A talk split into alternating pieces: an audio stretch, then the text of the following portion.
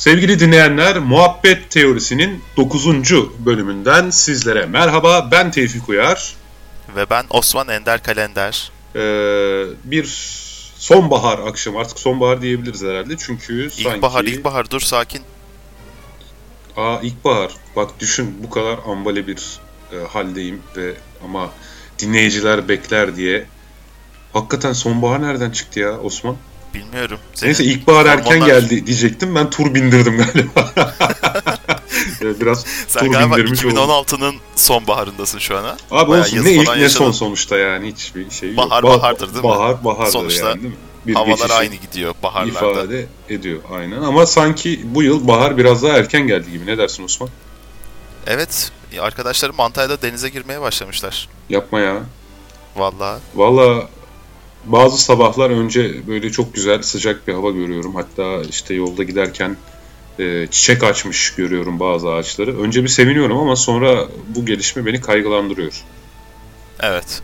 Çünkü onlar bir de soğuğu yedikten sonra hemen o çiçekler dökülecek ve meyve falan olmayacak yani. Yani orasını tabii tabii yani öyle bir ekonomik bir sonucu da olabilir. Ee, ama ve lakin esasında bunlar e, küresel ısınmanın çok görünür etkileri olarak karşımıza çıkıyor. Evet. Velhasıl ta Şubat'tan bahar yaşamak da pek şey değil yani. Ee, sevindirici bir şey olmasa gerek. Ne kadar mutlu olsak da. Evet ve Mart kapıdan baktırır, kazma kürek yaktırır hikayesinde mesela. Artık yaktırmayacak mı? Nedir durumlar? Bilmiyorum Mart gelsin göreceğiz. Yani şu var, e, küresel ısınma toplamda günün her e, daha doğrusu yılın her zamanında bir sıcaklık artışına karşılık gelmiyor. Aslında zaten küresel ısınma yerine küresel iklim değişikliği kavramı daha sık kullanılmaya başladı. Çünkü esasında hani e, tamam yazlar daha sıcak ama kışlar da daha soğuk ve hava çok dengesiz. 2-3 gün mevsim normallerinin çok üstünde olurken 2-3 gün çok altında olabiliyor. Yani toplamda bir e, şey iklimin e, böyle külliyen değişimi hem davranışının değişimi hem ortalama sıcaklıkların değişimi vesaire gibi bir e, durumla karşı karşıyayız. O yüzden bir Mart'ta tabii... kazma kürek değil komple her şeyi yakabilirsin. Hiç belli olmaz yani. Neden olmasın? O sigortaları atıp falan değil mi? Böyle delirip falan çıkıyor. delirip böyle. Dün güneş vardı. Ve hani şu noktada onu da söyleyeceğim. Şimdi bu e, zamansız daha doğrusu mevsim değişikliklerinin o senin söylediğin küresel iklim değişikliğinin sonuçlarından bir tanesi de insan psikolojisi üzerine etkisidir aslında. Yani onu da şey yapmamak lazım. Mutlaka bir, etki, lazım. bir etkisi vardır canım yani zaten. Aslına bakarsan özellikle bu astroloji ile ilgili kitabı yazarken hani şeye odaklanmaya çalıştım. Gerçekten acaba insanların doğduğu zamanların, tabii ki yıldızların değil de doğduğu ayların, doğduğu mevsimlerin karakterine bir etkisi olabilir mi diye. Çünkü neticede bunun olgusal bir açıklaması var. Hani belki anne karnındayken diyelim ki işte ben Kasım'da doğdum. Hani Kasım bir sonbahardı. Sonbahar memeliler için kışa hazırlık dönemi demektir ve hani hamilelik döneminde özellikle de kış mevsimi ise ne bileyim belki annenin stres seviyesinin çocuk üzerinde etkisi olabilir. Ki annenin stres seviyesinin çocuk üzerinde etkisi olduğu kesin. Acaba ama evet. mevsimlerin annenin stresi üzerinde de etkisi varsa sonuçta belki böyle bir ilişki kurulabilir diye böyle bir araştırmaya giriştim. Ve nihayetinde e, bazı araştırmalara da ulaştım. Hakikaten havanın yıl boyunca kaç gün kapalı geçtiği ya da e, işte hamilelik dönemindeki mevsimsel durumların e, çok değil, çok bariz değil. E, ama bazı faktörler ışığında anlamlı derecede e, çocukların karakterlerine etkili olabileceğini dair bazı bulgular keşfedildiğine rastladım. Hatta ne belki bir gün böyle bir konuda da konuşabiliriz. Tabii tabii. Olabilir. Konuşalım. Şimdi ben ana konumuza geçmeden önce e, bir şeyden bahsetme hakkımı kullanmak istiyorum ben de bu Aa, hafta. mükemmel. Harika. Dün, dün ya da Çok önceki sevdim. gün Medium'da bir yazı yazdım. Bu akıllı telefonların hayatımıza getirdikleriyle ilgili. Genelde biliyorsun analizler ki sen de bu programa bu programdan önce kısa bir konuşma yaptık. Ee, su sipariş edeceğimi söyledim. Mesela bana çok kolay su sipariş edebileceğim bir aplikasyon falan önerdin. Hani genelde evet. yeni çağda internetle ilgili analizler bir şeyleri ne kadar kolay yaptığımız üzerine artık her şeyin ne kadar mümkün hale geldiği üzerine Tabi bazı sosyal analizler de var işte yok işte sosyal medya sosyalliği arttırır mı azaltır mı falan. Onun dışında ben kendi deneyimlerimden şöyle bir sonuca ulaştım. Ee, ekran bağımlılığı diye bir şey var biliyorsun. Aslında bu bilgisayarın çok sık kullanıldığı zamanlarda ortaya atılmış bir kavramdı. Ama şimdi akıllı telefonlarla beraber ekran bağımlılığını yanımızda taşır hale geldik. Ve evet. hani eskiden ben de Beşiktaş'ta oturuyordum. Sen hala Beşiktaş'ta oturuyorsun da. Bu Dolmabahçe e, cum, şu anki Cumhurbaşkanı'nın e, özel ofisi olmadan önce orada çay bahçeleri vardı mesela. Giderdim. O zaman Orası hayatımızda hatta da... başbakanlık oldu. Şu an başbakanlık ofisi orası. Başbakanlık ofisi değil mi? Evet. Evet evet. evet. Ee, orada eskiden çay bahçeleri vardı. Güvenlik amacıyla kaldırılmadan önce. Atıyorum mesela ben oraya giderdim Beşiktaş'ta otururken. Belki saatlerce orada otururdum. Denizi izlerdim. Elimde kağıt kalem şiir yazardım. Ne bileyim. Şimdi böyle bir yerlerde beklerken mesela deniz kıyısında çay içerken veya senle buluşma diyelim senle buluşacağım bir yerde oturuyorum kafede oturuyorum ya da bir bankta oturuyorum. Bu etrafı izleme, manzara izleme, derin derin düşünme falan böyle şeylerden tamamen vazgeçtik. Hemen elimize telefonu alıp işte Twitter'da kim ne demiş, Facebook'ta ne olmuş, işte varsa daha önceden kaydettiğimiz makaleler onları okumak falan filan derken hakikaten çevresel e, farkındalığımız bayağı azaldı. Yani hiç öyle manzarayı yarım saat bir saat izlediğim bir zaman hatırlıyor musun son zamanlarda? Yani ben bu soruyu soracağın yanlış insanım. Ben, benim e, söylediğin şeyin farkında olduğum için çok fazla ben evden çıkmıyorum. yok yok. hiç çay içmem ben. Haşır neşir olmamaya çalışıyorum. Yani bir vapur yolculuğunu tercih ediyorum özellikle ve vapur yolculuğunda hakikaten çevreme bakmayı daha çok tercih ediyorum. Ama Var. söylediğin doğru. Şöyle de bir haber gördüm ben daha yenilerde 1-2 ay oldu. Ee, bir adam 30 yıl sonra hapishaneden çıkmış ve 30 yıl içerisinde hayat ne kadar değişmiş onu soruyorlar. Bir röportaj yapıyorlar. Ya diyor herkes şimdi kulaklıklarla bir yerden bir yere hareket ediyor ve ellerinde bir bir cihaz var. O cihaza bakıyorlar diyor. Ya tamam hapishanede e, mutlaka cep telefonu görmüştür e, ve çıkan teknolojilere bir yere kadar hakimdir ama bunu çok işlek bir caddede toplumun arasına karıştığı zaman adam yadırgamış yani. Bizim zamanımızda CIA ajanlarının sadece böyle bir kulaklıkları ve ellerinde böyle bir cihazları vardı. Şimdi toplumun her hepsinde var. Herkes mi ajan oldu falan diye böyle bir e, şey yapmış adam. Yadırgamış e, durumu. Yani yadırgaması normal. Ee, ki ben evvela dediğim gibi kendimi yadırgadım. Ee, sonra buradan yola çıkarak da aslında bunun gerçekten toplumda giderek yayılan bir alışkanlık haline dönüştüğünü, aslında bireysel olarak da bizleri çok değiştirdiğini bireysel alışkanlıklarımızı da çok değiştirdiğini evet. ortaya koymaya çalıştım. Tabii Amerika'yı yeniden keşfetmek oldu. Muhtemelen böyle düşünenler zaten olmuştur ki bak sen söylüyorsun ben zaten farkındaydım diye. Ama e, dediğim gibi fark ettim ve yazmak istedim ben de. Çok iyi yapmışsın. Mesela benim bazen doğam gelir. E, doğaya çıkma ihtiyacı hissederim ve bu İstanbul'un içerisindeki mesela Abbas Ağa Parkı'dır, Gezi Parkı'dır, ondan sonra Yıldız Parkı'dır yeteri kadar e, tatmin etmez beni. Daha çok doğaya çıkmak isterim ve e, şehir dışı gezilerim olur e, arada. Bir de başka bir şey daha söyleyeceğim. Hiç çağırmıyorsun Son... ha. Valla bundan sonra hakikaten Hakikaten ha hiç ben böyle bir şey yaptığımdan haberim yok yani. İnsan bir gel beraber gelelim benim doğam geldi. Senin de doğan geldiyse gel beraber gezelim falan der yani. Doğru söylüyorsun, haklısın. Bilakis e, İstanbul içinde değil. Mesela bunun için ben Antalya'da gidiyorum. Antalya'nın bazı hala e, doğası değişmeyen yerleri var. Oraları tercih ediyorum. Bir de başka bir şey daha söyleyeceğim sana. Mumbai'de bir haber okudum. Mumbai'de selfie çekmek yasaklanmış. İnsanlar kendilerine zarar veriyorlar selfie çekerken. Dünyadan kopuyorlar diye. Böyle bir şey nasıl yasaklarsın canım? İşte selfie çekmeyi yasaklamış Mumbai hükümeti. Mesela selfie çeken olunca ne yapıyorlar? Tutup kolundan götürüyorlar mı? Yani o konuda bir şey okumadım. Ee, sadece başlığını okuduğum için haberin. Yaptırım ne yani? Telefonunu alıp kırıyorlar mı? Para cezası mı kesiyorlar? Para cezasıdır büyük ihtimalle. Ya yok, ben, haberi bulayım okuyayım mı şimdi? Ben bu tip haberlere artık güvenmiyorum ya. Bir tık için neler yapıyor işte. Geçenlerde paylaştım. Herhalde en çok retweet edilen tweetim oldu da bu Google'ın yaptığı robotu hani itiyorlar yere düşüyor ya. Ondan sonra kalkıyor. Radikal onu çok... Google'ın robotu namaz mı kılıyor diye paylaşmış. Evet ya inanılmaz. İnanılmaz. Ben de işte tabii tek karede Türkiye'de bilim, teknoloji ve gazetecilik ilişkisi diye paylaştım bunu da. Ee, şey ne var bunda falan filan tarzında tepkiler de aldım tabii.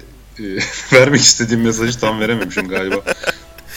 ya bir de toplumda mesela şöyle bir şey var. Daha doğrusu toplumda demeyeyim de yani benim e, gözlemleyebildiğim e, Facebook arkadaşlarımda, sosyal medya arkadaşlarımda ya da e-sosyal. To- toplum canım çevremde. o zaman. Senin arkadaşlarınsa toplumdur yani. evet ya doğru söylüyorsun. Şöyle bir Şaka haklısın ya. sen. devam devam abi devam.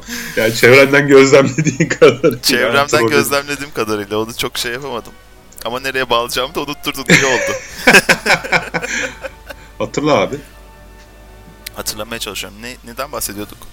Doğan Tam ben bu şey tarifi. namaz kılan Google robotu evet, bana ha, falan filan. Ne tam olarak falan. onu söyleyecektim. Şimdi adamlar gerçekten bir insanın e, vizyon yani bir viz, çok bir vizyon koymuşlar ortaya. Yani o Google robotuna vurduğun zaman robotun e, dengesini sağlayabiliyor olması inanılmaz bir mühendislik altyapısı var. Mühendislik evet değil mi? Aslında orada gösterilmeye çalışılan evet. şey bak inanılmaz. bu adam kötü niyetli üçüncü şahıslar tarafından sabote edilse bile vazifesine devam edebiliyor gösterilmeye evet. çalışıyor tabii doğal olarak.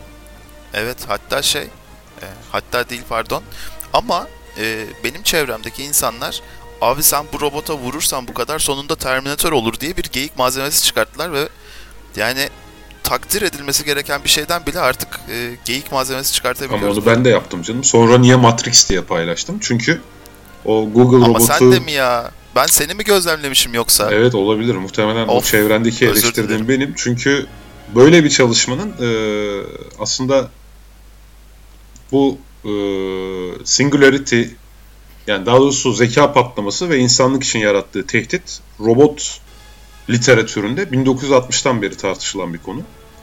Dolayısıyla böyle bir videoyla karşınıza gelince ki oradaki robot bir işçi sınıfından robot ve yanına birisi geçip o eline kutu aldıkça onu yere düşürüyor ve itiyor. Dolayısıyla bu 50 yıllık literatüre e, değinmek normal. Aslına bakarsan e, bu videonun iki e, tartışmayı beraberinde getirmesi gayet doğal. Getirmesi de gerekirdi. Ki benim eleştirim de zaten radikalin bunu senin eleştirdiğin yerden değil de başka salak saçma bir yerden görmesiydi. Evet, evet. İki evet. tartışmaya getirmesi lazımdı. Bir tanesi evet gerçekten bir gün robot işçiler olduğunda e, robot işçilerin hakları neler olacak? Hak olacak mı? Robotları bireyden kabul edecek miyiz falan filan. Bunlar yılların tartışmaları zaten. Hatta robot da olsa insan insandır diye bir yazım vardı benim. E, bu Yok o bir filmden alıntı kusura bakma. Yok, Yok ben yanlış söyledim özür dilerim. Şu an çok uzaylı da olsa Oo, insan insandırdı ya. Çok özür dilerim. Çok özür dilerim pardon. Doğru. Robot da olsa İnsan insan. Devam. Özür dilerim ya. Tamam tamam önemli değil. Yani. Affettim. İntihalle suçladım. Çok özür dilerim. ya yok.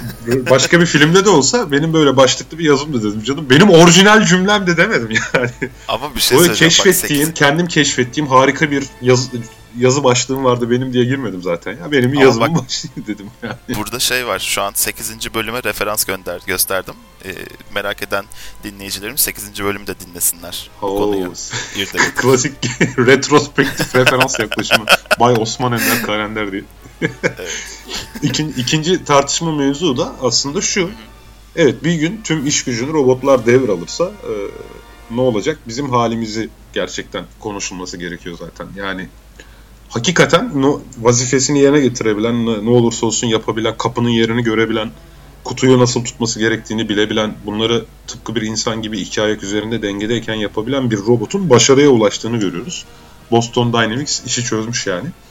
Ee, inanılmaz. Evet inanılmaz. E inanmadılar tabii diye de e, inanmadılar. Ata Demirer'in makara albümünü gönderme yapabiliriz. Şimdi bu mevzuyla fazla vakit dönelim. kaybetmeyelim. Evet ana konumuza dönelim. Ana konumuz çevre. Cerattepe'deki olan olaylar üzerine Osman Ender Kalender e, dostumla bu bölümü çevre mevzuna ayırmaya karar verdik. Ee, olayın biraz sosyolojik boyutunu tartışacağız aslına bakarsanız. Biraz da tarihsel örneklerle e, çevreyi katletmenin uzun vadede toplumlara bir yarar getirmediğinden bahsedeceğiz. Öncelikle e, yani artık şu meseleleri konuşmaya gerek yok değil mi Osman? Yani orada bir maden var. E, madenin e, 25 yıldır, bu 25 yıllık bir mevzu. Bu evet. 20, 25 yıldır oraya maden yapılmaya çalışılıyor. Ama hem heyelan riskinin şehri tehdit etmesi, hem oradaki e, doğanın katledilmesi e, nedenleriyle bir şekilde bu maden bugüne kadar yapılamadı. En nihayetinde gidip bir şekilde, şimdi kimseyi de itham edemeyiz ama herkes neyin ne olduğunu biliyor. Bir şekilde olumlu chat raporu çıkıyor ortaya ve madenin yapılmasına müsaade ediliyor. Fakat e, bu chat raporu içinde idari mahkemeye gidiliyor. İdari mahkemede chat raporunu iptal ediyor. Çünkü oranın gerçekleriyle uyumlu değil. Yani chat raporu ma- maden neredeyse hiç çevreye zarar vermeyecekmiş gibi düzenlenmiş ama bunun doğru olmadığı kesin. Ve bu chat raporu iptal edilmesine rağmen orada e, bir maden inşa edilmeye çalışılıyor. Halk da e, idari mahkemenin iptal etmesi dolayısıyla ortada bir chat raporu olmadığına göre siz buraya maden yapamazsınız kardeşim diyor ve direniyor. Evet. Olay bu. Ee, burada işin e, siyasi boyutu çirkin ve saçma. Ama bizim dışımızda onu önce belirtelim. Çünkü açık bilim ve muhabbet teorisinin e, ana fikrinde bir taraf tutma diye bir şey yok değil mi? Biz Hayır tabii ki çevreden tamamen. tarafız ve tabii ki çevreyi çevreden katleden tarafız. herkese evet. karşı e, biz de duruşumuzu gösteriyoruz. E, evet. Birilerinin cebine para girecek diye hiç kimsenin çevreyi katletmeye hakkı yok. Hele ki hukuk düzeni dışında kimsenin hareket etme lüksü yok. E, burası bir evet. e, hukuk devleti ise eğer. Biz o iyidir bu kötüdür demeyiz. Ne hukukun içinde ne hukukun dışında neyin hakkaniyeti var yok konuşabiliriz ancak tabii ki. Yani Aynen öyle. Ama burada ben şahsi olarak ideolojik bir eleştiri de yapmak istiyorum. Bunu e, Deniz Yıldırım ABC gazetesinde çok güzel bir şeye dikkat çekmiş. Hani e, kavramların içi boşaltılıyor, değiştiriliyor. Hani sanki oradaki e, madenden ortaya çıkacak olan gelir sanki oradaki tüm halkın cebine girecekmiş gibi sunulup e, ilginç bir şekilde hukuksuz olarak inşa edilmeye çalışılan maden e, ve bu madeni yapmak isteyenler milli sıfatıyla nitelendirilirken buna karşı çıkmaya çalışan, bölgesindeki e, doğayı korumaya çalışan insanlara da terörist yaftası yapıştırılıyor. E, burada bir ekonomi ve ekoloji politiği diyebileceğimiz bir kavram söz konusu. Ama biz dedi burasını tartışmayacağız. İşin siyasetini başkaları çok şekilde tartıştı. Biz şimdi olayı biraz çevrecilik nedir, tarih içerisinde nasıl gelişmiştir, bu e, orman katlinin veya madenlerin pervasızca inşasının olası sonuçlarının neler olabileceğine değineceğiz bu hafta. Evet. Evet, nereden Sen, başlayalım? Ne dersin? Acaba senin bir e, şeyin vardı, yazın vardı. O yazıdan mı başlasak? İlk önce dünya tarihinde çevreye, daha doğrusu e, ağaçlara kesmek neticesinde toplumların nasıl tırnak içerisinde e, yok oldukları ile ilgili çok güzel bir yazın var. Acaba Boku yediğini diyelim mi kısacası? Efendim? Boku yemiş toplumlar diyelim yani. Ya evet argoya kaçmak istemiyorum Argoya yani. kaçalım ya rütük yok nasılsa artık bu bir podcast yayını. Allah o zaman vur patlasın çal küfürler. Sadece ha. cinsiyetçi küfürler etmeyelim de. Tamam. E, feminist kardeşlerimizin e, şeyini yıldırımlarını, o zaman, oklarını çekmeyelim üzerine, bize. O toplumlar şey, geri zekalı. Of çok kötü küfrettin. Of çok fena küfrettin ya. Ağır ağır konuştun valla. Bu sefer de Apple bizi engeller. O derece ağır küfrettin yani. Eyvah. Apple engelleyebiliyor mu ya? Yok ya şaka yapıyorum. Ha, evet şimdi mevzumuza gelirsek. Evet dediğin doğru. Daha önce ağaç ölürse herkes ölür diye bir yazı yazmıştım. Zaten o zaman da gezi zamanıydı. Açık bilimde genel olarak çevrecilikle ilgili konuları ele almıştık. Ya da otoriteye itaatle ilgili falan biraz daha sosyal konuları ele almıştık. Toplamda zaten benim o yazım Jared Diamond'ın Çöküş adlı kitabının özetiydi. Öncelikle bu kitabı ben herkese tavsiye etmek istiyorum. Daha evvel kesin tavsiye etmişimdir bizim bölümlerde ama e, televizyonunu yeni açan dinleyicilerimiz için e, Çöküş Jared Diamond yani Tüfek, Mikrop ve Çelik kitabının yazarına ait Timaş yayınlarından yayınlanmış. Medeniyetler nasıl ayakta kalır ya da yıkılır alt başlığıyla medeniyetlerin ayakta kalması ve yıkılmasını çevre perspektifinden ele alan bir kitap. Oldukça kalın, çok güzel. Hem modern sorunlara değiniyor, hem tarihteki çöküş örneklerine değiniyor. Ee, ve geçmişte tarihteki çöküş örneklerinin tesadüf değil ama neredeyse hepsi orman katletmenin sonucu olarak gerçekleşmiş. Ee, yani en azından şimdilik kitap için söyleyebileceğim şey bu. İçeriğinden herhalde şimdi yeri geldikçe bahsederiz. Ama Osman ben önce evet. sana şunu sormak istiyorum. Bu soru vasıtasıyla da iki kavramı tanıtmış olacağız. Sence insan doğadaki üstün bir varlıktır ve kalan tüm çevreyi, e, diğer tüm canlıları kendi yüce amaçları için kullanabilir mi? Şimdi burada iki tane görüş var bildiğim kadarıyla. Bir tanesi antroposantrik ki burada insan yüce bir varlıktır dediğin gibi. Yani bütün dünyadaki her bir unsur insana hizmet için e, vardır gibi bir duruş var. Diğeri de ekosantrik bir duruş. Bu da doğa merkezci bir duruş. Hani benim görüşümü soruyorsan tamamen ekosantrik bir duruşum var benim. Yani biz bu doğanın bir parçasıyız ve eğer hayata geldiysek ve bu hayat dünyada yaşıyorsak her bir unsurla dünyadaki dünya üzerindeki her bir unsurla bir ahenk içerisinde yaşamamız gerektiğini düşünüyorum. Senin bu durumdaki duruşun ne bu konudaki? Ben abi solipsistim ya. Ben varım gerisi hikaye. Vay canına. Benden sonra Tayfun dedin hakikaten. Ta Tayfun ne? Yok işin gerçeği. Tayfun ee, duygulu. Şimdi aslında şu dediklerin doğru. Ya antroposantrik yani insan merkezli e, bir bakış açısı var dünyaya ya da ekosantrik doğa merkezli bakış açısı var. Ee, çevreciliğin bu toplumsal boyutu 1950'lerde Duncan, Amerikalı sosyolog Duncan tarafından ilk kez dile getiriliyor. Zaten şu var aslında çevreyi kirlettiğimizin farkına ilk ne zaman varılıyor biliyor musun? Ta 19. yüzyılın sonlarında o ilk sanayi devrimi yüzünden asit yağmurlarıyla beraber. Yani henüz orman tahribatı falan filan değil de tabii ki çok daha önce milattan önce bile ormanlarını yok ettiği için çöken toplumlar var ayrı mesele. Fakat sonuçta kimse ya biz ormanları katlettik de o yüzden çöktükün farkında değil onlar. Onu da bir kenara bıraktım. Endüstri toplumu e, ilk ortaya çıktığında, daha doğrusu bilimsel devrim ve sanayi devrimi ortaya çıktığında evet. insan ilk defa doğayı kontrol edebilme e, gücüne kavuşuyor. Doğayı kontrol edebilmeden mesela ne anlıyorsun? Böyle söylediğim zaman. Çok fazla ağacı bir anda kesmek. yani gerçekten çok ekosantrik insanmışsın. Yok doğayı kontrol etme dediğin şey mi? Bu e, yağmur yağdırabilme, kar yağdırabilme hikayeleri mi? Yoksa yani günümüzde neredeyse o seviyeye kadar geldi ama en azından geçmiş için söyleyelim. Ee, mesela çok daha gerilere gidelim. Avcı toplayıcı olduğu zaman insan çok doğaya karşı biraz pasif bir konumdaydı. Ee, evet. Tarımla beraber doğayı bir miktar kontrol edebilmeye başladı. Ve hayvancılıkla beraber. Ee, sanayi devrimiyle beraber iş tamamen e, çığırından çıktı diyebiliriz. Yani doğayı şu, evet. şu bile doğayı kontrol etmenin bir durumu. Elektronları kontrol ederek elektrik enerjisi olarak kullanabiliyoruz. Radyo dalgalarını kontrol edebildiğimiz için iletişim kurabiliyoruz. Bunların hepsi normalde doğal kaynaklar düşündüğün zaman. Ben hiç böyle düşünmemiştim ama biraz kafamı açtı şu anda. Evet doğru söylüyorsun. Yani doğayı evet tam kontrol dediğimiz şey bu. Aslında bu evet, bilimsel inanılmaz. ve teknik evet. devrimle beraber gerçekleşmiş bir şey.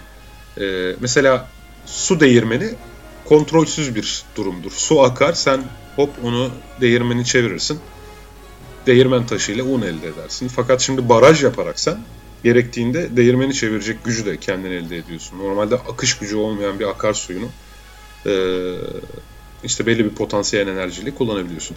Neyse bir şekilde evet. bunların hepsi zaten insan refahı, insanın e, zenginleşmesi için kullanıldı. Ve tüm bu süreçte zaten antroposantrik bakış açısı yani insan merkezli bakış açısı vardı.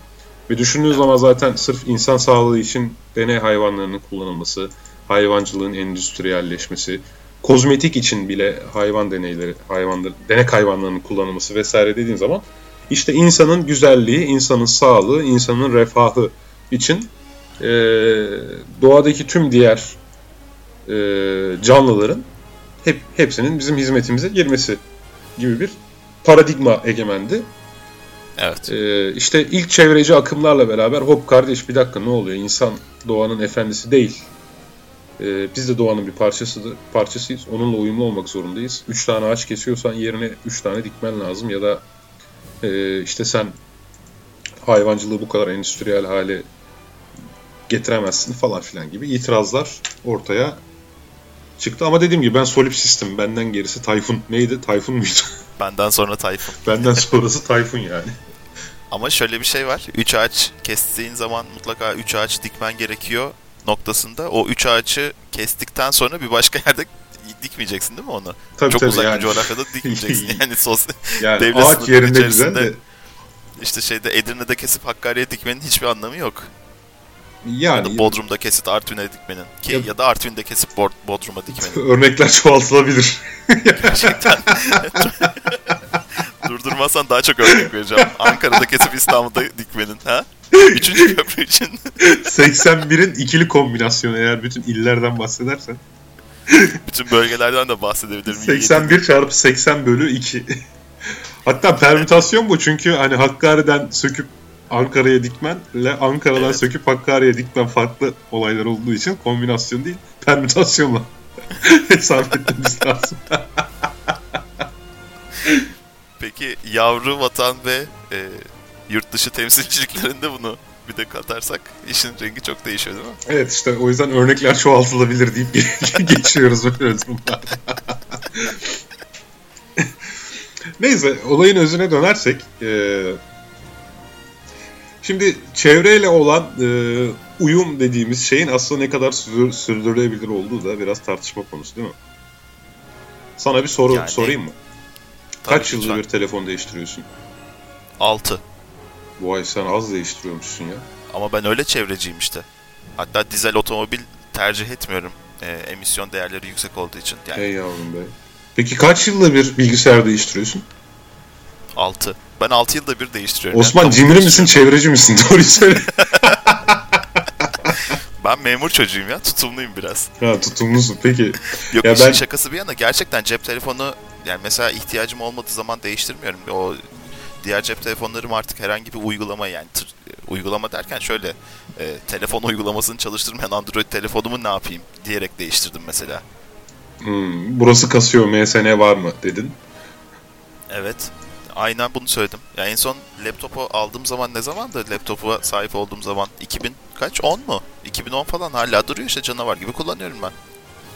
Vay be. Yani sen az değiştiriyormuşsun ya. Gerçekten. Ben mesela senden daha fazla atık üretiyorum bu durumda. Yani gerçekten de. Çünkü neden onu da söyleyeyim. Şimdi e, bir gün çok e, tavan yaptığı zamanlar bu e, tüketimimin tüketim alışkanlığımın diyeyim e, çok fazla tavan yaptığı zamanlar bir teknoloji marketine girdim. Ve o teknoloji markette bir bakıyorum böyle geziyorum ulan abi o da var bu da var her şeyi almışım oh ne kadar güzel falan. E, 6 ay sonra gittim artık yeni modellerinin çıktığını fark ettim benim e, sahip olduklarımın. Ondan sonra şey... Bu işin sonu yok mu dedin? Bu işin sonu yok dedim hakikaten. Daha ne kadar kazanacağım ve daha ne kadar bu teknolojiye para harcayacağım, daha ne kadar çok tüketeceğim. O benim ilginç bir değişim olmuştu. Ee, bir farkındalığın e, oluştuğu bir dönem olmuştu. 2009 muydu, 2010 muydu neydi? Ondan sonra bayağı çevreci oldum ben. Yani çiçek çocuk kadar değil belki ama... Çiçek çocuk ne ya? O şey, iyice çiçek çocuklar vardı ya hippiler. Bu ekosantrik insanların olabilecek en top noktasıydı, en uç noktasıydı o. Hı hı. Onlar. Ee, o kadar değil tabii ama yani yine de şey tüketmemeye çalışıyorum ben ana fikirde. Peki az önce şey dedin mesela e, aslında şöyle bir çelişki de var değil mi? Tamam doğanın parçası olacağız ama gelişmeyi nasıl sağlayacağız? Mesela e, şu an şu Cerrahtepe'deki olaya bakarsak siyasilerin ürettiği e, aslında sadece Cerrahtepe değil. Bugüne kadarki Kaz Dağları'ndaki altın madeni için de öyle oldu. Başka yerlerdeki e, madenler ya da fabrikalar için vesaire de hep aynı şey oluyor. Sanırım şöyle bir çelişki yaşıyoruz. Ekonomi mi, ekoloji mi? Ya kesinlikle ekoloji. Yani Hayır sana sormuyorum alt... ya. yani tamam Hayır, senin fikrini anladım. Gibi. Sen 6 yılda ben bir cep telefonu değiştiren bir herifsin tamam mı yani? tamam o seni anladık zaten şimdi. şimdi. Niye şimdi dışlıyorsun? Cep telefonu Hayır, eski diye. yani. Bu soruya vereceğin yanıtı biliyoruz da. Ee, ha tamam. Şey, Aa, benim artık hiç sürpriz yaratamayan böyle birisi mi oldum şimdi? Hayır canım. Yok abi anket yapmıyorum sadece. Pası al devam et istiyorum yani. Hani böyle bir çelişki tamam. var şimdi değil mi diyorum. Ekonomi mi ekoloji mi? Sen ekoloji diyorsun ya. Kesinlikle ekoloji ya. Ben, ben bu konuda biraz tutucu. Bak hala aynı şeyi Peki abi ekoloji mi ekonomi mi dersin? ya kesinlikle ekoloji Tevfik. Bak şimdi boş boşuna tartışmayalım. Ekonomi mi değil ekoloji. ya bunu soru olarak değil de böyle bir cümle, cümle olarak söylemeye çalış. bir dakika. Ee, Ki ben karşılık vermeyeyim. Çünkü refleks sana omurilikten geliyor. tamam peki. Abi şu konuda ne düşünüyorsun? Yani e, sanki ekonomi ile ekoloji arasında insanlar bir çelişkide kalıyormuş gibi bir durum var. Hani Doğru haklısın. Kesinlikle ekoloji. yani e, evet. e, şöyle söyleyeyim. İşte dediğim gibi en kuvvetli argüman şu. İşte daha önce Kaz Dağları'nda bu mevzu olmuştu. Hatta e, böyle o zaman orada Kaz Dağları'nda altın madeni yapacak olan holdinge yakın gazete böyle bir süre sonra oradaki olayı hani meşrulaştırmak için Allah razı olsun madende çalışıyorum ekmek kapısı oldu bize falan diyen insanların haberlerini falan filan da yayınlamıştı. Şöyle bir durum var değil mi? Özellikle gelişmekte olan ülkelerde zaten bu çelişkiye dikkat çekiyor çevre sosyologları. Gelişmekte olan ülkelerde sanki insanlar e, yani insanlar demeyeyim toplum veya hatta işte siyasi erk kalkınmayla çevreyi koruma arasında kalıyor ve kalkınma hep yani görüş şeylerini, davranışlarını kalkınma lehinde, seçeneklerini kalkınma lehinde kullanıyorlar gibi bir durum var. Ne diyorsun evet. bu konuda? Lütfen, lütfen. Gerçekten görüşlerini merak ediyorum. Yok şimdi biz ne zaman böyle bir toplum haline geldik onu açıkçası çok kestiremiyorum. Çünkü bu Anadolu coğrafyası, Anadolu insanına şöyle bir baktığın zaman e, dini inançları nedeniyle yani e, dini inançları demeyeyim de aslında kültürel olarak şimdi bizim insanımız bir şey gördüğü zaman, bir su kenarı gördüğü zaman, bir dere kenarı, bir, bir şey gördüğü zaman oradaki doğayı değiştirmeden o doğanın bir parçası olarak hareket eder. Yani hemen bir şey serilir oraya, bir şey serilir, orada vakit geçirilir, dinlenilir vesaire ve topluma hayran olunur. Şimdi bu topraklar, bu coğrafya e, yaradılanı severim, yaradandan ötürü gibi bir felsefe çıkartmış bir coğrafyadır. Biz ne zaman e, ekoloji şeyde ekoloji e, odaklı hayatımızdan bu kalkınma odaklı hayata geçtik. Ben bunu kestiremiyorum açıkçası. Ama çok uzun olmadığını düşünüyorum bu e, geçişimizin. Yani örneğin o Kaz Dağları dünyanın şu anda en fazla oksijen yani havasında en çok oksijen oranının olduğu coğrafya. Artvin'in o yeşillikler e, dünyanın belki de e, topar, toparlayamadım ama Artvin de güzel. Velhasıl. Artvin de iyidir gibi oldu. Artvin de iyidir. Yani oranın doğası da inanılmaz bir e, doğa.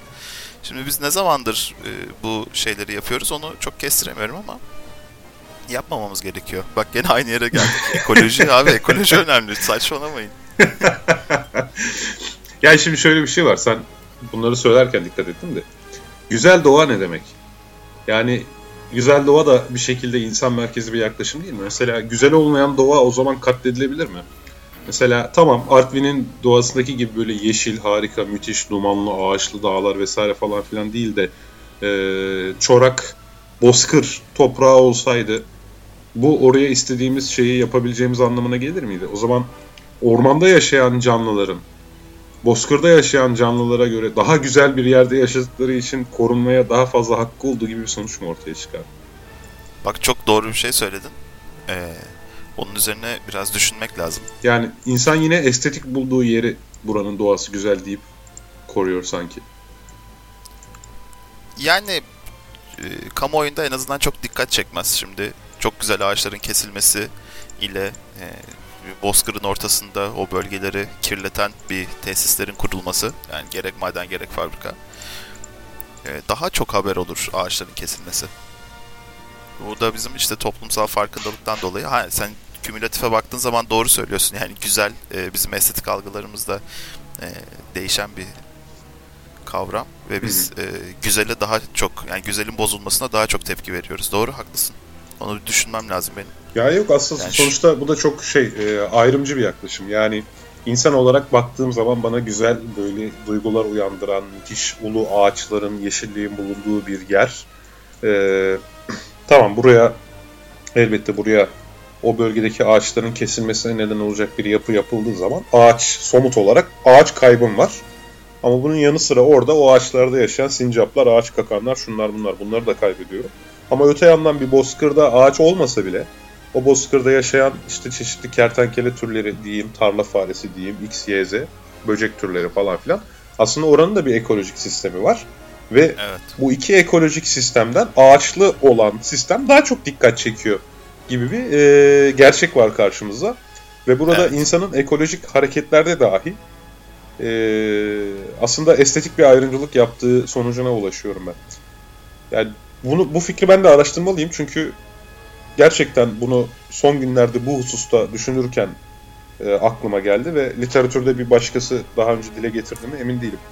Belki e, eğer hiç bahsedilmediyse oturup bununla ilgili bir şeyler yazarsam da güzel olur. Ama ve e, bana bu da çok çirkin bir ayrımcılık gibi geliyor. Doğru söylüyorsun. Ama ben o, o ayrımcılıkta değilim. Yani kişisel fikrimi soruyorsan. Ben Bozkır'a da bir şey yapılmasın abi. Doğaya e, yani doğayla ilgili bir şey korunsun. Güzellikler. Yani güzellikler derken yani İşte yok korunsun. yine güzellik diyorsun doğa, ya. Aslında doğa bu, korunsun ya. İşte işte Ama bak bu yerleşmiş. Ciddi ciddi şeye yerleşmiş. Bilinçaltımıza yerleşmiş evet. bir şey. Doğal güzellik ve doğal güzelliğin korunması. Ama doğal çirkinliği korumak gibi yani çirkin bulduğumuz bir doğayı korumak gibi bir refleksimiz yok gibi geliyor bana. İşte bana ama doğadaki her şey güzel geliyor. Çirkin bir coğrafya yok bence. Vay tamam şimdi güzel kelime oyunu yaptın ya, da. ne haber? Yani güzel kelime oyunu yaptın da benim demek istediğimi anladığını varsayıyorum. Anladım anladım. Yok söylediğini anladım. Doğru söylüyorsun. Ee, insanların orada bir şeyi var. Şimdi şu ikileme seç, tekrar dönelim. Ekonomi ve ekoloji ikilemine tekrar dönelim. Ee, evet. Peki gerçekten gelişmiş olan ülkelerde ekonomik kalkınmaya ihtiyaç yok mu ki çevrecilik hareketleri daha yaygın veya çevreci bakış açısı yönetimlerde daha yerleşik diye bir soru soralım. Acaba gerçekten o adamlar zarar etmeyi e, göze almak pahasına mı çevreyi koruyorlar?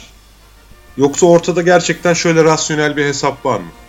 Çevreyi katletmek yani kısa vadede ekonomik gelir için çevreyi katlediyor ol, olsanız da çevreyi katletmenin uzun vadedeki ekonomik zararı daha büyük deyip aslında yine bu matematik hesabı, para hesabı onu düşünmek gerekiyor. Çünkü Jared Diamond bu çöküş attı kitabının sonunda bu e, işte Exxon Mobil gibi petrol şirketlerinin kısa vadeli kar için çevreye verecekleri zararın onlara uzun vadede daha büyük zarar getireceğini fark ettikleri için artık çevreci politikalar güttüklerini iddia ediyor. Doğrudur olabilir. Ona çok bir şey söylemiyorum ama şimdi bunun biraz da tarihsel sürecine bakmak lazım. Yani e, bizim 28 Mehmet Çelebi diye bir e, abimiz vardır Osmanlı tarihinde. Aha. 1720 yılında Paris'e e, şey olarak işte büyükelçi olarak gönderiliyor ve Osmanlı Devleti'nde sınırların dışındaki ilk e, şey, ilk uzun süreli, daha doğrusu ilk yerleşik sefir olarak e, karşımıza çıkıyor. Bu 28 Ondan Mehmet Çelebi... otelde mi kalıyormuş abi? Otelde mi bilmiyorum o kadar canım. Ondan önce şey bile göndermemiş olabilir, sefir bile göndermemiş olabiliriz yani. yani. Neyse. o zamanlar otel sistemiyle ilgili bir yeni bir muhabbet teorisi böyle yok şaka yapıyorum. Ee, şeyde bu adam 11 ay boyunca kalıyor orada. Hı. Ve her sefir gittiği yeri bir kitap halinde yani bir kitap kalemi alır. Ondan sonra orada okuduğumuz Paris Sefaretnamesi var bu adamın yazdığı ve o sefaretnamede Versay Sarayı'nın bahçelerinden bahsediyor adam. Yaklaşık e, yani oldukça fazla sayfada bahsediyor bundan. Yani uzun uzun yazmış ve hayatında ilk kez fıskiye görmüş bu adam ama fıskiye kelimesini tabii ki kullanamıyor. Yani bir şey var diyor işte bir tane heykel var diyor. Heykelin ağzından bir tane boru var diyor. O borudan e, su işte 10 arşın yukarı çıkıyor diyor. Şimdi 10 arşın dediğimiz şey de yaklaşık 50 metre civarında bir uzunluk. E, yukarı doğru atılıyor o su yere düşüyor. İşte gök kuşakları oluyor falan. Hatta bazı iki tane bir yol yapmışlar diyor. İki tane iki çevresine ağaç e, dikmişler. O ağaçların dallarını birbirleriyle buluşturmuşlar ve bir kemer oluşturmuşlar gibi. Böyle betimlemeleri var. Ama genelde bahçelerden bahsederken yani bunların güzelliğini anlatmaya diyor şeyimiz yetmiyor diyor. Yani kelimeler yetmez. Cenneti yaşadım ben orada diyor. Şimdi gelişmiş ülke noktasında e, şimdi 1720'lerdeki Paris tamam yani Fransa devleti çok gelişmiş midir değil midir bilmiyorum ama e, sonuçta bir algı yerleşmiş orada. İnsanlar kentlerini güzelleştiriyorlar. Kentlerini güzelleştirirken aynı zamanda doğayla ilgili ya adamların doğayla ilgili kaygıları da var. Şimdi günümüze geldiğimiz zaman e, biz şu anda Artvin'de ağaçlar kesilsin mi kesilmesin mi onun e, konuşmasını yapıyoruz. Ben pek katılmıyorum ya bu söylediğini. O, yani 18. yüzyıldaki verdiğin örneğe rağmen e, Avrupa sanayi devrimi sırasında çevreyi en çok kirleten e, kıta oldu yani. Tamam ona bir şey söylemiyorum. Yani Başka bence o söylediğin gelecektim. biraz şey e, kraliyet ailesinin ve aristokratların çevre sevgisi, ya bahçe, güzel bahçe yapabilme sevgisi gibi geldi bana daha çok. Yani olabilir tabii ama şimdi başka bir yere geleceğim bu noktada. Hı hı. Şimdi daha bugün bir Sivas fotoğrafı gördüm. Eskisiyle yenisiyle Sivas'ın işte bir tane cami fotoğrafı var. Biraz yukarıdan çekilmiş. Yaklaşık 2 hektar mı 1 hektar mı? O o kadar bir ağaç kesilmiş. Hadi ya. Ee, tabii. Ondan sonra gezi olayları sırasında zaten olan bir tane belli. Şimdi Artvin'de ağaçlar kesilmesin diye insanlar uğraşıyor falan. Bu noktada e, şöyle bağlayacağım. Biz ağacı sevmiyoruz galiba bizim. Yani gelişmekte olan toplumlar diyeyim ya da ağacı fazla değer vermiyorlar. Çünkü e, zaten çok fazla ağaç var çevrelerinde ve bir tanesinin eksik olması çok fazla ağaç var mı acaba? Olmasını, Artık bizim yani coğrafyamızda çok fazla ağaç vardı ve bu e, ağaçların yok olmasının uzun vadede e, kendilerine ne gibi bir eksiklikler getireceğini farkında değiller. Evet, şu, evet Hatta, o bir gerçek. Farkında değiller. Yani çevre kirliliği e, saire yani evet toplamda aslında bunun bir felaket olduğu hususunda veya etrafımızda var olan e, ağaçların gerek hakikaten fiziksel gerekse psikolojik olarak zaten sağladığı faydaların pek farkında değiliz ama dediğin yine şeye geliyor. Yani bir rant ekonomisi var ve bu rant ekonomisiyle ekolojik kaygılar birbiriyle çatışıyor yani. Ama işte Avrupa sanayi devrimi sırasında o kadar çok çevreyi kirletmiş ki bu bilinç oluşmuş diye düşünüyorum ben. Yani bir Avrupa köyüne gittiğin zaman e, güzel bakıyorlar çevrelerine ama Türkiye'deki köylerde çok güzel bak baktıklarını söyleyemeyebilirim. Ya da işte bir ya demek istediğini anladım. Aslında şunu da demek. doğru. Yani biraz bu ağacı sevmek sevmemek değil de. Ya Kanada'da şehre bir ayı giriyor. Adamlar ayıyı yakalayıp kafesleyip geri doğal yaşam alanına bırakıyorlar. Burada vuruyorlar evet. yani. Burada yaban domuzunu insanlar kovalıyor, vuruyor. Karette karattenin başını eziyor, öldürüyor. Ee, yani ya Anadolu leoparı mı Anadolu parsı mıydı neydi o hayvan onu öldürdüler ya tek kalan ya, o 20 yıldır ha, görünmemiş aynen. hayvanı öldürüyor adam. Şimdi kimse yani ırk diye bir şey yok. Hele genetik araştırmalarla ırk diye bir şey olmadı zaten kanıtlandı. Ee, Avrupalı daha zeki ya da doğayı daha çok seviyor, ağacı seviyor, biz sevmiyoruz bu bir hani millet özelliğidir, ırk özelliğidir gibi bir argüman da o yüzden geçersiz. O zaman Değil burada oradaki insanla buradaki insanı ayıran faktörün ne olduğu belli. Eğitim ve kültür. Maalesef. Maalesef. Birincisi e, mesela rahmetli Çetin Altı'nın bir lafı vardı. Ya Boğaz'dan o kadar gemi geçiyor. Tamam mı? İstanbullu bir çocuk gemi hakkında ne biliyor yani?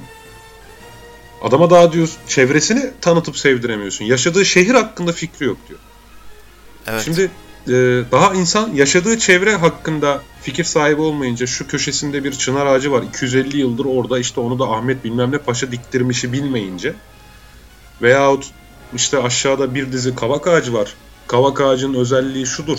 Oraya şöyle bir faydası vardır. Boyu 30 metreye 50 metreye kadar çıkar. Çok güzeldir bilmeyince oradaki o ağaç herhangi bir nesne, dağ, taş, kaldırım taşından pek bir farkı olmuyor. Anladığım zannet, zannedersem diye söyleyeyim. Ve eğer ekstra olarak bu hususta bir bilinç kazandırılmazsa anne, baba veya okul tarafından bir kişinin kendi kendine oturduğu yerden bu bilinci kazanması çok zor. Maalesef Etrafını sevmesi sen... veya tarihi eserleri. Yani aslında olay çevre demeyelim. Ya İtalya'da işte bir tane e, türkü tutukladılar değil mi? Tarihi eser duvarına yazı yazdığı için. Ve 2000 euro para cezası verdiler adama. Ha yani peki fark ne yani? Hani geri zekalı mıyız? Değiliz. Yani farklı genlerimiz mi var? Hayır. Yani zaten e, gen araştırmaları Akdeniz Havzası'nın aynı gen haritasına sahip olduğunu artık zaten ırk denen olay çöktü. Bilimsel olarak çöktü yani böyle bir şey yok. Bilimsel olarak yok evet. Bilimsel olarak çöktü. Ee, bazı bazı başka milletler bizden daha Orta Asyalı falan hatta yani bitmiş olay yani. Ee, bilimsel olarak çöktüğüne göre belirleyici etken belli ya. Kültür. Başka bir şey değil yani. Eğitim ve kültür. Yani eğitimi de kültürü belirleyen bir faktör olarak ele alırsak tek başına kültür bunun bir belirleyicisidir yani. Şimdi bu çok dallı budaklı, çok geniş bir konu aslında ama şöyle bir iki tane örnek vereceğim. E, Almanya'nın kuzeyinde gerçekten o Baltık Denizi'ne çok yakın bir şehirde bir e, kapının altında bir partinin yani bizim Türkiye'de e, siyasi hayatını sürdüren bir parti için adam slogan yazmış oraya. İşte bilmem ne bilmem ne şimdi isim vermeyeyim. E ben aynı sloganı bu Beşiktaş'tan Ortaköy'e giderken bir tane kemer vardır. Çırağan Sarayı'nın tam önünde. E, o, o e, kemerin altında da gördüm yani. Bu inanılmaz bir şey. Bu yapılmaması evet. gereken bir, bir şey maalesef. Bir de şöyle bir şey var aslında bu noktada çevreyle ilgili konuları konuşursak e, dünyadaki en büyük antroposantrik insanlar bence Türkiye'deki balıkçılar. Özellikle Karadeniz'deki balıkçılar.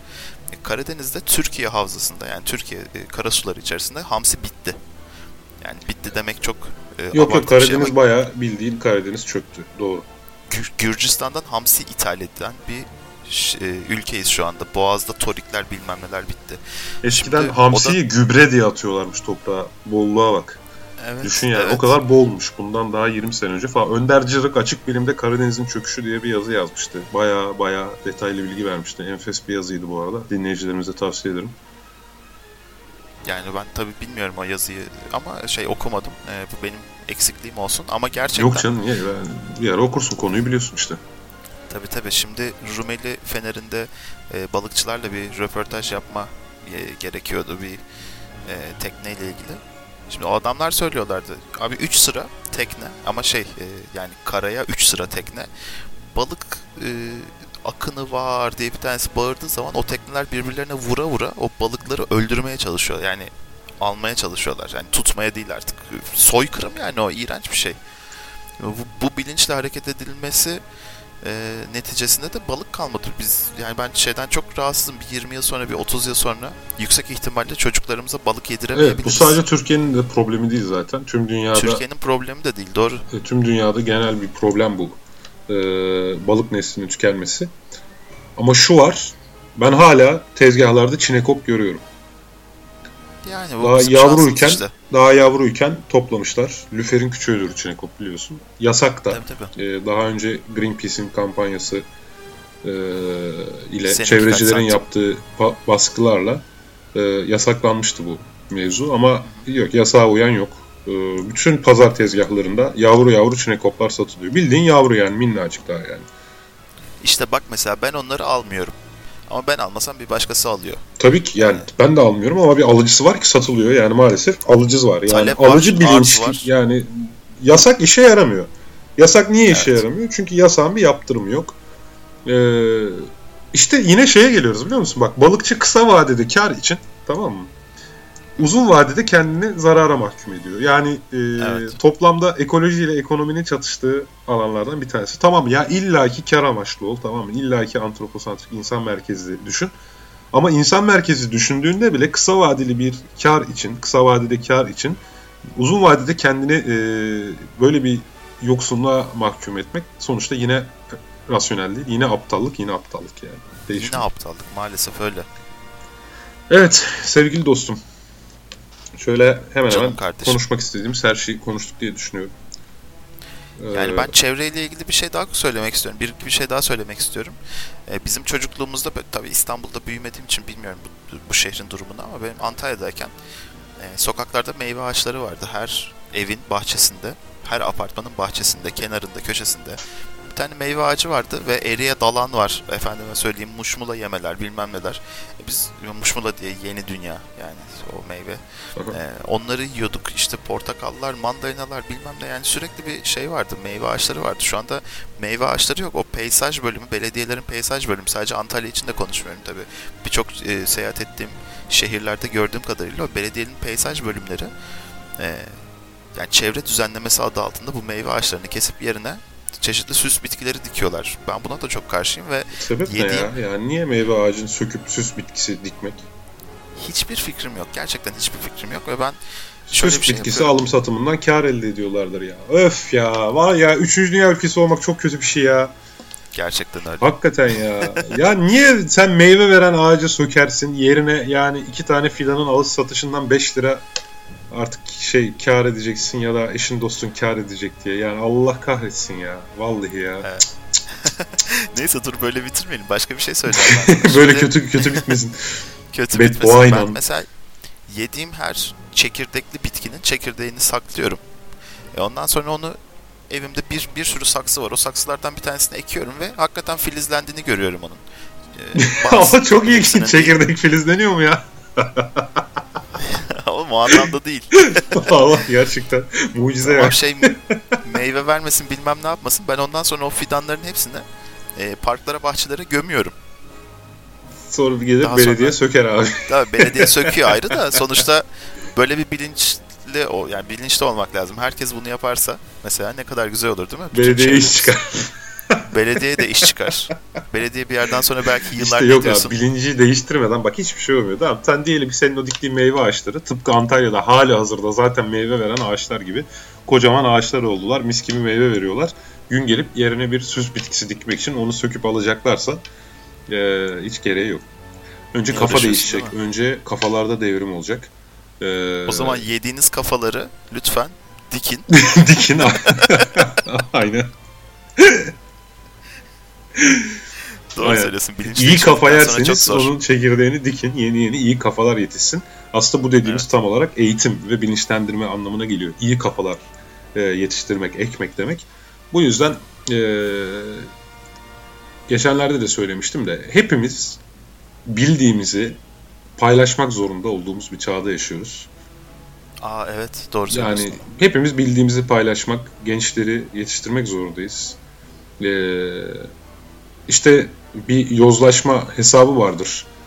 İşte her bilinçli birey çevresindeki atıyorum 19 e, kişiyi eğitebiliyorsa %5'lik bilinçli birey koca bir ülkeyi kurtarabiliyor. Tabii 19 çok şey yüksek var, rakam da yani hesabı diyelim ki var. evet her bilinçli birey 4 kişiyi eğitip bilinçlendirebiliyor diyelim. Bu da şu anlamına geliyor. %20'nin bilinçli olması yeterli anlamına geliyor. Basit bir matematik hesabı yani. Evet. Ee, ve biz Türkiye'de çevre bilinci olan az kişiler olduğuna inanıyorum şahsen. Saymadım da. %20 falan Tepkiyi görünce evet yani bildiğimizi paylaşmak zorundayız. İyi olanı paylaşmak zorundayız. Bunları karşılık beklemeden yapmak zorundayız. Sonuçta muhabbet teorisi de böyle bir çabanın ürünü. Evet. Ee, Bu arada bir şey soracağım sana. Kusura bakma ama sen şimdi ona tutuldum ben. Sen yediğin bitkinin e, çekirdeğini ekip hiç filiz çıkarttın mı ondan? Şimdi sana kamerayla gösteririm ama okurlarımız görmez. Ben sarımsak falan bile ekiyorum ya. Burada benim bir dizi saksım var. Biber, sarımsak. Okurlarımız değil şey, aa okurlarımız değil, okurlarımız bizi andı. Dinleyenlerimiz. Ondan, şey, ondan e, sonra. Bak hatta sarımsak... şu an sana kamerada biber tohumları gösteriyorum görüyor musun? Aa ne güzel Bak, biber tohumları var. Bunlar biber tohumları. Tohuma bıraktım biberleri. Heh, Bunun içine koydum. Aferin. Şimdi kaloriferin üzerine koydum kurusun diye. Bahar geldiği aferin zaman bunları size. bir bardak suya koyup saatlerce beklettikten sonra çimlenmesi için saksıya ekeceğim bir bardak suya koyup aç karnına içecek misin? yani o da olur. Midemde de çıksa ne güzel olur değil mi? Dışarıdan şeye gerek yok. Dışarıdan biber almaya gerek yok değil mi? İçinizde Pazardan biber almaya son. içinizde çıksın inşallah. biber içimizde sevgili kardeşim. İçinizden biber çıksın diyerek evet e, muhabbet teorisi de böyle bir şeyin ürünü. Böyle e, insanları bildiklerimizi en azından dilimiz döndüğünce e, anlatıp onları bilinçlendirip hatta onlardan gelecek bazı bilgilerle de bilgilenmek üzerine kurulmuş çok güzel bir organizasyon. İnşallah bir sonraki bölümümüzde de çok güzel bir e, konuyla Evet. Bir sonraki bölümü bu arada Çağrı Yalgın'la yapacağız. Duyurusunu yapalım. Hı E, mitokondri üzerine konuşacağız. Çağrı Yalgın e, dinleyenlerimizden bazıları bilir. E, şu an Finlandiya'da doktora sonrası çalışması olarak mitokondriyal hastalıklar üzerine çalışıyor. Geçenlerde de Nature'da bir e, makalesi yayınlandı. Kendisine çalışmalarını soracağım. Bana anlatacak. E, oh, ne kadar güzel. Önümüzdeki hafta onu da yayınlamış oluruz. O halde Muhabbet Teorisi'nin 9. bölümünden veda ediyoruz. Ben Tevfik Uyar. Ve ben Osman Ender Kalender. Sevgiler, saygılar, selamlar, iyi geceler. Şimdi son noktada bir şey daha söyleyeceğim. Bitiremiyoruz ya. Buyur abi söyle canım söyle. Yok bitireceğim bitireceğim. Ee, ne ekersen onu biçersin virgül. Rüzgar eken fırtına biçer diye iki tane damlaya e, damlaya göl olur. Yok yok damlası damlamasını boş ver de. Yok damlaya damlaya da göl olur yani. Aa gerçekten mi? Ama şey e, rüzgar eken fırtına biçer çok önemli. Yani doğaya ne verirsen, doğadan ne alırsan o da senden o kadarını hatta fazlasını alır. Tamam. Bu da böyle bilinle. Kulağımıza küpe olsun. Peki. Osman bitirebilir miyim? Lütfen. Çok teşekkürler. tamam peki herkese iyi haftalar. Hoşçakalın. Daha fazla bilgi edinmek isteyenler Tarihi Osmanlı Mecmuası'nın 3. cüzünün 1912. sayfasına bakabilirler efendim.